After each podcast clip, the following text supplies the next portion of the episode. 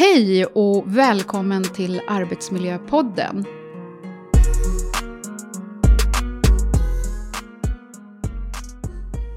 Idag kommer vi att tala om varför det är så viktigt att göra utredningar kring kränkande särbehandling, kränkningar och trakasserier på arbetsplatsen. Att bli eller vara utsatt för kränkningar på jobbet medför inte bara lidande för den som blir utsatt, utan skapar andra arbetsmiljöproblem, som i förlängningen både kan leda till sjukskrivningar, personal som slutar, som rena produktionsbortfall. Och ingen har väl de senaste månaderna missat att eh, i media polisens utredningar, eller rättare sagt polisens utredning av en av sina egna medarbetare kanske inte alltid hamnade på rätt ställe. Och frågan är, var det ett korrekt förfarande även om personen är offentlig? Ibland så kan gränsen mellan konflikt och kränkande särbehandling vara svår att avgöra. Och för företag är det extra viktigt att då ha en väl utvecklad eh, arbetsmetodik och också ha policy som rutiner samt ett socialt skyddsnät som faktiskt bygger på tillit och förtroende för att kunna hantera oönskade beteenden på arbetsplatsen. Att arbeta systematiskt för att förebygga dessa, ja de är ju av största vikt. Och i en arbetsgivares arbetsmiljöansvar ligger att så långt det är möjligt förebygga och motverka att konflikter som kränkningar, trakasserier och diskriminering faktiskt inte ska uppstå. Man måste motverka det här på arbetsplatsen och om det sker ha en tydlig process för hur en utredning ska genomföras samt av vem. Och varför är det så viktigt att i tveksamma fall hellre fria än fälla, in dubio pro reo? Att principen borde tillämpas också i ärenden som gäller anklagelser om kränkningar och trakasserier när det inte finns tillräcklig bevisning. Ja, det här och mycket, mycket mer, ja det ska vi prata om tillsammans med min gäst för dagen. Och det är Oskar Fredriksson, jurist och utredningschef på Stark och Partner. Hej Oskar och välkommen hit till Arbetsmiljöpodden. Tack så mycket. Eh, du är ju ansvarig utredningschef för just det här med... Ni använder er av faktaundersökningsmetoden, eller hur? På Stark och Partner, ja. när ni gör utredningar. Ja, det gör vi. Och jag tänkte så här att innan vi ska gå in och prata mer om den här metoden och hur man gör utredningar och allt där till, så tror jag faktiskt att vi måste börja med att du får berätta vem du är. Så varsågod och presentera dig. Hur, var det, hur kom det sig att du hamnade just inom utredningar utav kränkande särbehandling? Ja, eh, det är väl som med mycket annat att det var lite av en slump kan man väl säga. Första gången jag kom i kontakt med att göra en, eh, en utredning kring, kring eh, kränkande särbehandling och trakasserier då var jag kommundirektör faktiskt i mm. Vansbro kommun i Dalarna. Eh, och vi hade en anmälan mot en chef. Och det där eskalerade så pass mycket att jag fick som så att säga högste chef då i förvaltningen gå in och ta ansvar för den där situationen. Så att då gjorde vi en ganska stor utredning på en hel enhet. Och som sen visade sig då att utifrån de inledande anmälningarna mot chefen så kom vi fram till att chefen faktiskt inte hade agerat på något kränkande sätt. Men att däremot medarbetarna med stor sannolikhet hade agerat kränkande mot chefen. Så att man, man måste alltid vara lite försiktig när man får den första indikationen. Att inte dra slutsatser för snabbt, utan att man behöver ha en ganska strukturerad process för att komma fram till vad som faktiskt har hänt. Så att det var första gången jag liksom kom, kom, i kontakt med det här och nu har jag väl jobbat med det i snart fem år tror jag på heltid med att göra utredningar. Vad, vad är det svåraste? Och förresten, jag tror att det är bra också. Eh, jag tror inte att alla vet. Vem är det som betalar för utredningar? Hur, hur, får ni dem egentligen? Hur får man en utredning, att göra en utredning? Ja, vi på Stark och Partner har dels har vi ju ramavtal med en del stora kunder, både offentliga och privata. Eh, och att vi har även ett stort nätverk, en sån här arbetsgivarring med, med, med, organisationer och företag som är anslutna till oss, som, som vänder sig till oss för att få råd och stöd. Men sen kan vi också in utredningen på ren rekommendation, att någon har, vi har gjort en utredning någon annanstans och de rekommenderar oss för, till någon, någon bekant och som behöver. Men det är ju alltid egentligen arbetsgivaren som betalar. Mm. Så är det ju. Det är ju arbetsgivaren som har arbetsmiljöansvaret och som också är skyldig att utreda om det finns en, en problematik på arbetsplatsen. Just det. För arbetsmiljölagen den är ju ganska tydlig där att arbetsgivaren är ju den som är huvudansvarig för att det ska vara en god och trygg arbetsmiljö. Och, eh, men hur kommer det sig att eh, många av de här utredningarna? För att när vi gör en utredning, eller när ni gör en utredning, eh, vad är det första ni börjar titta på? Hur inleder man en utredning? Eh, vi brukar oftast inleda att, att jag egentligen har en dialog med den som, som gör beställningen. Alltså en enhetschef eller en sektorschef eller HR. Som kontaktar oss så att det har hänt någonting på deras, eh, i deras verksamhet helt enkelt som behöver utredas. Och då brukar vi göra en avstämning kring eh, insats, vad, vad de har för behov av insats. Och sen kommer jag att fördela ut det på ett konsultteam då som, som tar det vidare. Så att en inledande dialog egentligen med beställaren. Och det första tipset jag alltid ger, det är att inte springa iväg för snabbt. Att ta, ha lite is i magen, ta ett djupt andetag och föra en dialog med oss som liksom är experter på detta, kring hur man går vidare. Just det, för att ha en god bild av situationen, det är ju A och O. Eh, varför räcker inte sådana generella psykosociala arbetsmiljökartläggningar till egentligen när vi då pratar just utredning kring kränkande särbehandling? En sån, en sån så att säga, bred kartläggning kanske kan vara en indikation på att det finns en problematik. Eh, men om det framkommer i en sån undersökning att det finns personer på arbetsplatsen som anser sig utsatta för kränkande agerande eller trakasserier så kan man ju oftast inte komma åt det med en så bred kartläggning utan då behöver man göra en specifik insats. Och eh, ibland så, så finns det en uppfattning att, att eh, om inte någon enskild har gjort en anmälan så finns det inget problem. Men jag skulle vilja utmana det lite grann och säga att så fort det har kommit till arbetsgivarens kännedom att det finns någon form av utsatthet på arbetsplatsen så har arbetsgivaren eh, det på sin agenda och då kan man inte blunda för det. Eh, så här att man är inte skyldig liksom att så fort, bara för att ingen har gjort en anmälan så innebär det inte att det kanske inte finns en utsatthet i organisationen. Utan då behöver man fånga upp det som arbetsgivare. Mm, ja, för arbetsmiljölagen den är ju ganska tydlig när det kommer just till den delen.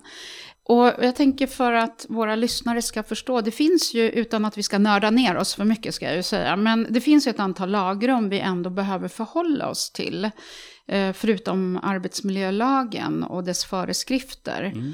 Och det är ju LAS. Ja, alltså... Till exempel ska, arbetsrättsliga delen. Exakt, ja. det, finns ju, det finns ju två, en stor vattendelare mellan vad som är arbetsmiljö och vad som är arbetsrätt. För det är egentligen två olika områden som hanterar olika saker. Eh, men däremellan så har vi också diskrimineringslagen som handlar om det som kallas trakasserier. Och det är ju en annan del. Det är ju... Eh, arbetsmiljölagstiftningen handlar ju om det som kallas kränkande särbehandling. Det finns ju en särskild föreskrift om det. Eh, och det som vanligtvis kallas mobbing finns ju inte som begrepp juridiskt, utan det faller in under föreskriften om kränkande särbehandling. Men om det sker utsatthet på arbetsplatsen baserat på någon form av ja, etnicitet till exempel, eller religion, eller någon annan diskrimineringsgrund.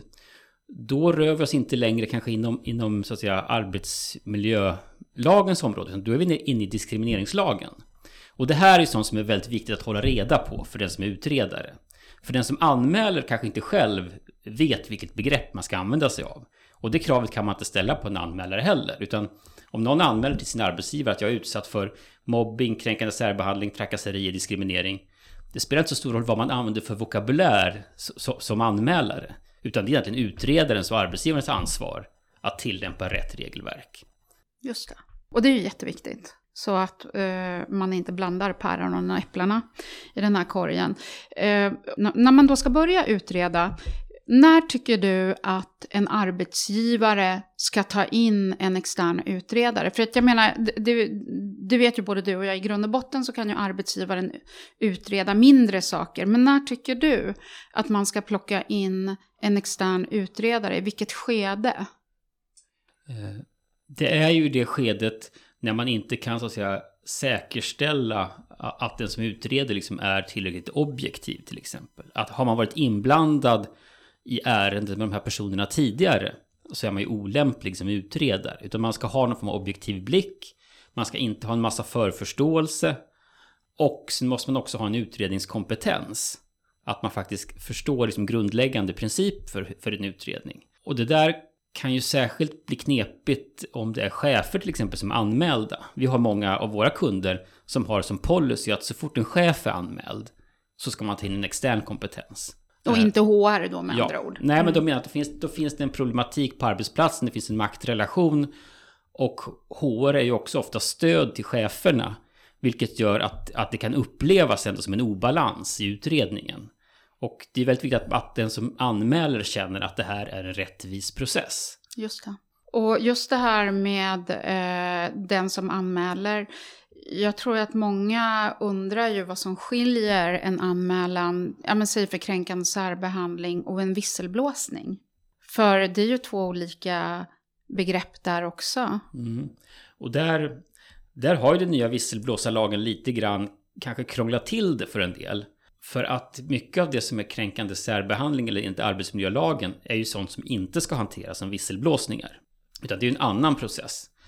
Eh, och risken är att om man får in det i fel spår, att det kanske går för långt i fel spår innan man konstaterar att nej men nu är vi inne i fel, nu har vi fel regelverk, så nu måste vi starta om och använda ett annat regelverk. Så där behöver man vara ganska duktig på att sortera i början. Är det här en visselblåsning så ska det hanteras som ett visselblåsarärende. Men är det inte det, utan det här rör sig om arbetsmiljöfrågor och en anmälan om kränkande särbehandling, så ska man inte hantera det som ett visselblåsarärende. Mm. Och, och då ska vi också tillägga att kränkande särbehandling går ju aldrig att anmäla anonymt. Utan det måste ju finnas en avsändare, till skillnad från visselblåsning, där man har krav på att kunna vara anonym. Och det här, det här komplicerar ju bilden lite grann. Så att där tror jag att man behöver ha en ganska strukturerad process för att, så att säga, skanna anmälningarna i tidigt skede, vad det rör sig om. Så att man inte hamnar fel där i den fortsatta processen. Mm. När det kommer då till, till eh, att man inleder en utredning, då har man ju då valt att plocka in en extern utredare. Vad är de, mest, vad är de viktigaste kunskaperna hos en extern utredare? För, för många gånger så plockar man ju in, in en sån individ när exempelvis eh, de som har, känner sig utsatta exempelvis upplever någon form av risk för ohälsa eller social uteslutning mm. eller hot. Mm. Eh, vilka är de absolut nödvändigaste kompetenserna hos en sån utredare? Eh, ja, alltså objektiviteten, alltså att man inte har någon, någon koppling till någon av dem man ska utreda. Mm. Och det står ju i föreskriften, förarbeten och allting också. Ja. Så, att det, ja. så att det är viktigt att man liksom har, har det oberoendet och har parternas så att säga, förtroende någonstans. Så att de vågar berätta och att de är trygga i den process som ska göras. Sen är det också viktigt att man som utredare har liksom en strukturerad metodik skulle jag vilja säga. Och mm. det är mm. därför vi jobbar med den här faktaundersökning. Som är väldigt tydlig i sitt, sina krav så att säga på vad, hur man ska gå tillväga. Så att ha en strukturerad metodik är viktigt. Mm.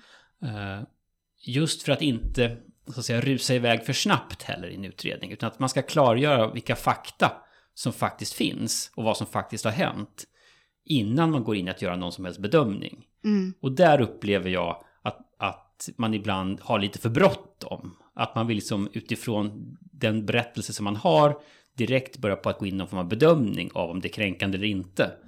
Men det skulle jag säga att man måste först utreda vad som faktiskt har hänt. Mm. Eh, och det är inte alltid man, man hittar stöd för allting som anmäls. Och då kan man heller inte bedöma det, utan man måste först utreda vad som faktiskt har hänt. Mm. Och, och, jag tänker lite så här, eh, både du och jag har ju sett utredningar som mm. kanske inte alltid uh, uppfyller det man önskar att de borde uppfylla. Hur viktigt är det att den som utreder både har djupa kunskaper inom arbetsmiljölagar som arbetsrätten? Ja, alltså det är viktigt att, att man har en insikt i så att säga, vad, vad som är vad, så att säga. Så man kan skilja åt vilket, vilket område man rör sig inom. Eh, och att man också i en utredning liksom inte eh, blandar ihop olika regelverk. För att det kan bli väldigt så att säga, komplicerat och det kan bli en ganska, det kan bli som en undermålig utredning som faktiskt inte bidrar till att skapa någon klarhet utan kanske bara förvärrar en situation. Och det står ju också i föreskriften här att kvaliteten på utredningar, att, att man, ska, man kan ställa hög, högre krav på kvaliteten på utredningar och på utredarnas kompetens. Just för att inte, inte förvärra kanske en, en problematisk situation. Just det. Och den här faktabaserade utredningen, faktaundersökningsmetoden som man då ändå använder sig av, det är ju en norsk metod från början. Kan du inte berätta lite hur, hur man använder sig av den, hur själva processen ser ut? För jag tror att det kan vara av intresse mm. att veta. dels är det det här med objektiviteten då, så att säga. Man ska liksom, vara oberoende som utredare. Eh, och man ska vara oberoende även från, från den som gör beställningen, från, från arbetsgivaren som beställer utredningen. Arbetsgivaren har ingen påverkansmöjlighet egentligen på utredarnas arbete. Så det är en viktig princip, den här objektiviteten.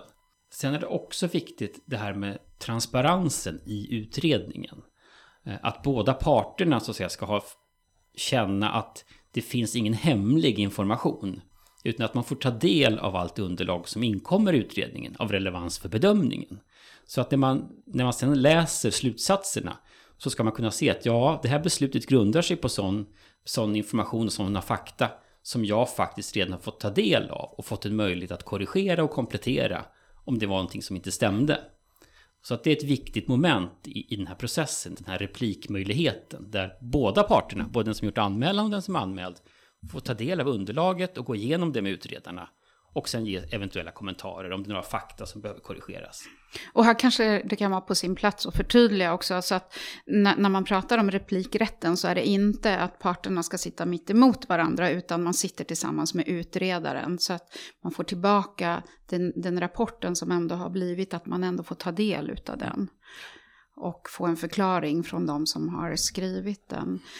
Vad, vad, tycker du är svårast när du gör en utredning eller när dina kollegor? Vad är det svåraste? Ja, ibland så, så, så, får man ju bemöta personer som är ganska mycket affekt. Och eh, där behöver man nog som utredare ha en ganska stor liksom, så att säga, eget lugn så att säga. Att inte forcera fram, inte försöka driva på för hårt. Utan om personer är i affekt, låta dem liksom samla sig, komma tillbaka, fånga upp tråden igen ta en paus ibland. Så att man liksom inte, inte pressar på för hårt. För man vill ju också få fram så, att säga, så mycket fakta som möjligt. Eh, och det är ju inte sällan att, att de man intervjuar faktiskt eh, ja, börjar gråta. Eh, eller blir märkbart påverkade. För att de upplever någonting så starkt som har hänt dem i tidigare skeden när de återberättar det. Sen kan det ju vara svårt ibland när man ser den här så att säga, affektreaktionen. Och sen kommer man ändå fram till att ja, tyvärr så, så finns det inte tillräckligt med underlag för att, eh, så att säga, göra bedömningen att det har förekommit någon form av kränkande agerande. Eh, och den här personen kan ju bli väldigt så att säga, eh, ja, ledsen över att man inte faktiskt kan styrka det. Men då får man ju som utredare försöka behålla liksom det här rättssäkerhetsperspektivet och den här objektiviteten. Att man, om man inte kan klargöra vad som har hänt så kan man inte heller lägga det till grund för bedömningen. Ibland står ord mot ord och det går inte att komma till någon slutsats om vad som faktiskt har hänt. Och då kan man heller inte så att säga uttala kritik mot någon person om man faktiskt inte har stöd för det i utredningen. Hur ofta stöter du på att eh, när, ni, när ni har påbörjat utredningen och när man börjar grotta i det här och gör bakgrundsundersökning och allt vad det är som ändå ingår i en utredning. Hur ofta stöter ni på att det saknas underlag, till exempel dokumentation från chefernas sida? Ja, ett, ett stort, eh, stort, en stor fråga här är ju egentligen varför behöver det gå så långt? Alltså varför blir det en anmälan om kränkande särbehandling eller trakasserier? Och kunde man ha stoppat detta tidigare? Och det korta svaret på den frågan är väl ja. I de flesta fall hade man kunnat undvika detta. Mm. Om man hade dokumenterat på ett tidigare skede. Vad vi brukar kalla ett oönskat beteende brukar vi prata om. Alltså om man, så fort man som arbetsgivare eller chef börjar notera att det finns någon, någon medarbetare på arbetsplatsen som har ett beteende som faktiskt inte stämmer överens med den värdegrund eller de policies man har på arbetsplatsen så behöver man faktiskt markera det på ett tydligt sätt mm. och dokumentera det. Av välmening kanske för, även för den person som har så att säga, gått över gränsen. Bara säga att nej men så här gör vi inte här. Det här är inte ett okej agerande. Eh, och det är väl just det här tidiga agerandet som man ganska ofta saknar och som leder fram sen, om det får fortsätta, att det kanske eskalerar och någon, någon person känner sig utsatt och till slut faktiskt gör en anmälan om någon form av kränkande agerande. Och då kan det ju vara bra kanske att förtydliga att utifrån ett chefsperspektiv när, när det är oönskade beteenden på arbetsplatsen, då får man ju inte glömma bort de här nödvändiga åtgärderna man ändå har som chef att eh, vidta, att man medvetandegör, kanske till och med ger en varning eh, för, för det beteendet som är oönskat. Eh, just för att få den här dokumentationen på plats. För, för vad blir risken, eh, tycker du, om man ser att det har pågått olika menar att det har pågått olika eh, skeenden och sen så har arbetsgivaren varit passiv. Mm. Det är ganska ofta man kan se det, att, att man eh, i, i, en utredning då konstaterar att här, här har det liksom, är en konfliktsituation kanske från början som inte har hanterats och den har eskalerat till någonting som faktiskt blir kränkningar och trakasserier. Eh, och att det då kanske också finns strukturella problem eller organisatoriska orsaker i det hos arbetsgivaren som arbetsgivaren kan få kritik för. Eh, för det är ju så att arbetsmiljölagstiftningen riktar sig mot arbetsgivaren primärt. Eh, och det handlar inte om att hitta syndabockar, liksom att, det, att det är medarbetare som har uppfört sig illa. Utan det handlar ju mycket mer om att lägga ansvaret på arbetsgivarens ansvar att förebygga att det uppstår problem. Så att om någon medarbetare uppför sig illa så är det givetvis någonting som ska hanteras. Men i grund och botten så är ju det också en kritik mot arbetsgivaren. Att man inte har tagit tag i det här i tid. Just det, så för att få en, eh, en liten summering då, vad kan en faktaundersökning leda till? För jag tror, eh, jag vet ju själv eftersom jag också gör utredningar, jag brukar få frågan, ja men är den här utredningen till för att jag ska bli av med jobbet? Det är ju många medarbetare som frågar och det, svaret på den frågan är ju nej liksom. Mm. Men, men vad, vad kan en faktaundersökning leda till? Vad är tanken med en faktaundersökning? Det är egentligen att klargöra vad som faktiskt har hänt och också att ge liksom arbetsgivaren ett underlag för att, så att säga, återställa en god arbetsmiljö. Det är egentligen grundsyftet, att, att alla på arbetsplatsen ska ha en, en bra och trygg arbetsmiljö. Eh, så att slutsatsen av, av, en, av en utredning är ju oftast att man antingen konstaterar att det har funnits någon form av brister, organisatoriska brister kanske, Eh, eller att det finns ageranden som har varit kränkande eller trakasserande på något sätt. Eh, men det kan ju också vara ibland att man konstaterar att det inte finns några kränkande ageranden och att det som är anmält kanske ligger inom ramen för vad man faktiskt måste acceptera också som anställd och som följer av anställningsavtalet. Och eh, anmälan kring kränkande särbehandling som rör till exempel eh, lönesättning eller schemaläggning eller arbetsuppgifter kanske inte bedöms vara som kränkande särbehandling. Utan man kan säga att det här ligger inom ramen för arbetsgivarens arbetsledningsrätt. Just det, för att leda och fördela arbete, det ligger fortfarande på arbetsgivaren. Så enkelt är det. Och det gäller ju även om man kan få kritik för att man kanske inte har utfört ett arbete på bästa möjliga sätt. Utifrån de mål man har satt upp. Mm. Chefer kan ju, kan ju ibland uttrycka sig kanske även klumpigt och på, på, alltså inte vara lämpliga som chefer eller, eller, eller vara o, ovana i sin roll utan att det i sig är kränkande. Mm. Alltså, utan eh, man behöver så att säga, göra en analys av vad, vad är det för handling som har skett och är det att se som ett kränkande agerande eller ligger det inom ramen för en sån normal arbetsledningsrätt? Ofta landar vi i den typen av bedömningar mm. också. Mm. Brukar ni lämna rekommendationer på vidare åtgärder? Eller på vidare aktiviteter som man kan vidta? För att ja, det är också viktigt att ta med när man väl har gjort den här utredningen. Så måste den ju leda till någonting. Mm. Där är ju, upplever jag att det finns två delar jag skulle vilja lyfta. Dels det här att en utredning får inte ta för lång tid. För att då, då, då, då bränner man ut all energi som finns hos individen och gruppen. Eh, så man orkar inte så att säga göra någonting åt grundproblematiken sen kanske. Så att försöka att inte ta för lång tid. Och också att man väl har slutfört utredningen. Att då finns det ett momentum att också vidta åtgärder. Och att inte vänta för länge med det. Så att när den väl är slut och man väl har en slutsats. Då kanske man behöver vidta åtgärder. Eh, och det kan ju finnas väldigt många olika. Alltså det behöver inte vara en arbetsrättslig åtgärd. För det kan det ju vara ibland. Om, det, mm. om man, en utredning kommer fram till att någon har agerat på, på ett kränkande sätt och att det också föranleder någon form av arbetsrättslig åtgärd. Då kan ju arbetsgivaren behöva göra det. Att ge någon form av klargörande samtal eller varning eller någon annan åtgärd. Eh, med stöd kanske av den utredning som är gjord, så att säga. Vad som har framkommit. Men man kan ju också behöva göra andra insatser som olika typer av konflikthantering eller medling eller grupp, grupputvecklingsinsatser. Just det. Så att det kan finnas väldigt många. Sen kan det finnas även behov på organisatorisk nivå. Att man man hittat strukturella problem. Att man kanske har ett otydligt informationsflöde i organisationen. Som också bidrar till att en känsla av utsatthet hos medarbetare. Alltså många sådana moderna matrisorganisationer med chefer i flera led och som går på tvärs också organisationen.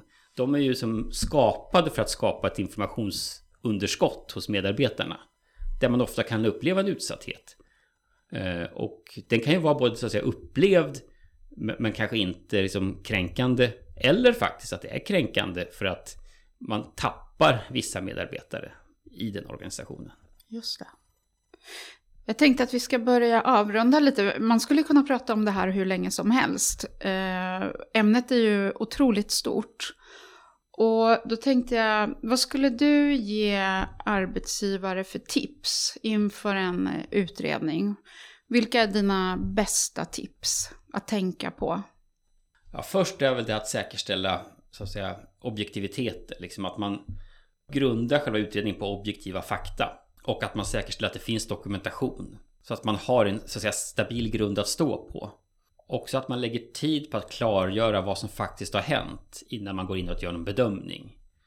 Eh, så att man inte drar slutsatser för snabbt på för dåligt underlag. För det finns det exempel på många utredningar där man har gjort det. Och vi hade ett exempel nu i, Göteborg där till och med den blev rätt, att man hade en rättslig process där man underkände hela utredningen för att den var för dåligt gjord. Ja, och du kan väl berätta lite för våra lyssnare lite, eh, så att de får lite mera mm. kött på benen vad det gäller den. För den var väldigt intressant, den mm. domen. Ja, det var egentligen att man hade utrett eh, anklagelser om trakasserier och kränkningar på en arbetsplats. Eh, och när den var klar så gav man även en varning till en medarbetare. Men när detta prövades sen rättsligt, den här varningen, så underkände domstolen den som arbetsrättslig åtgärd och sa att den här var faktiskt inte befogad givet eh, det dåliga underlaget som man hade. Man hade för dåligt bevisning helt enkelt.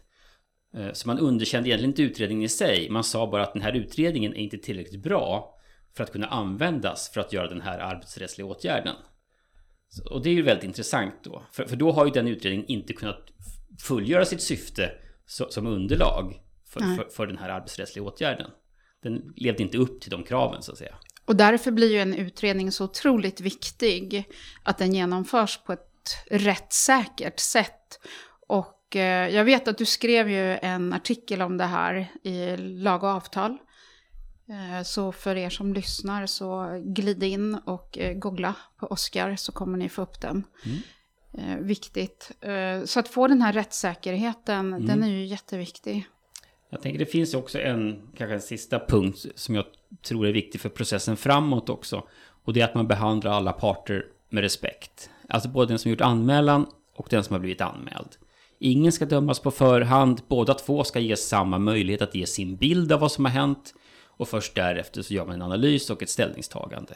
Och att man i den processen behöver ha liksom ett, ett gott bemötande och en respekt för båda parter. Och också kanske dåligt mående hos båda parterna. Alltså båda har också rätt att, att, få stödsamtal och att man ser till att ingen av dem eh, så att säga, mår dåligt under processen. Eller mer dåligt än nödvändigt i alla fall. Ja, för det är ju inte speciellt trevligt att hamna i den situationen när man då blir utredd. Stort tack Oskar för att du ville dela med dig av dina kunskaper kring just det här med utredningar. Så himla viktigt ämne och stort tack till er som har lyssnat. Eh, och det här avsnittet har vi ju då gjort i samarbete med FackUp, din digitala rådgivare inom arbets och arbetsmiljörätt, direkt i din mobil och helst kommunikation. Och tills eh, nästa avsnitt så önskar jag alla en fortsatt fin dag. Och eh, så säger vi hej då. Hej då Oskar, hej då alla andra.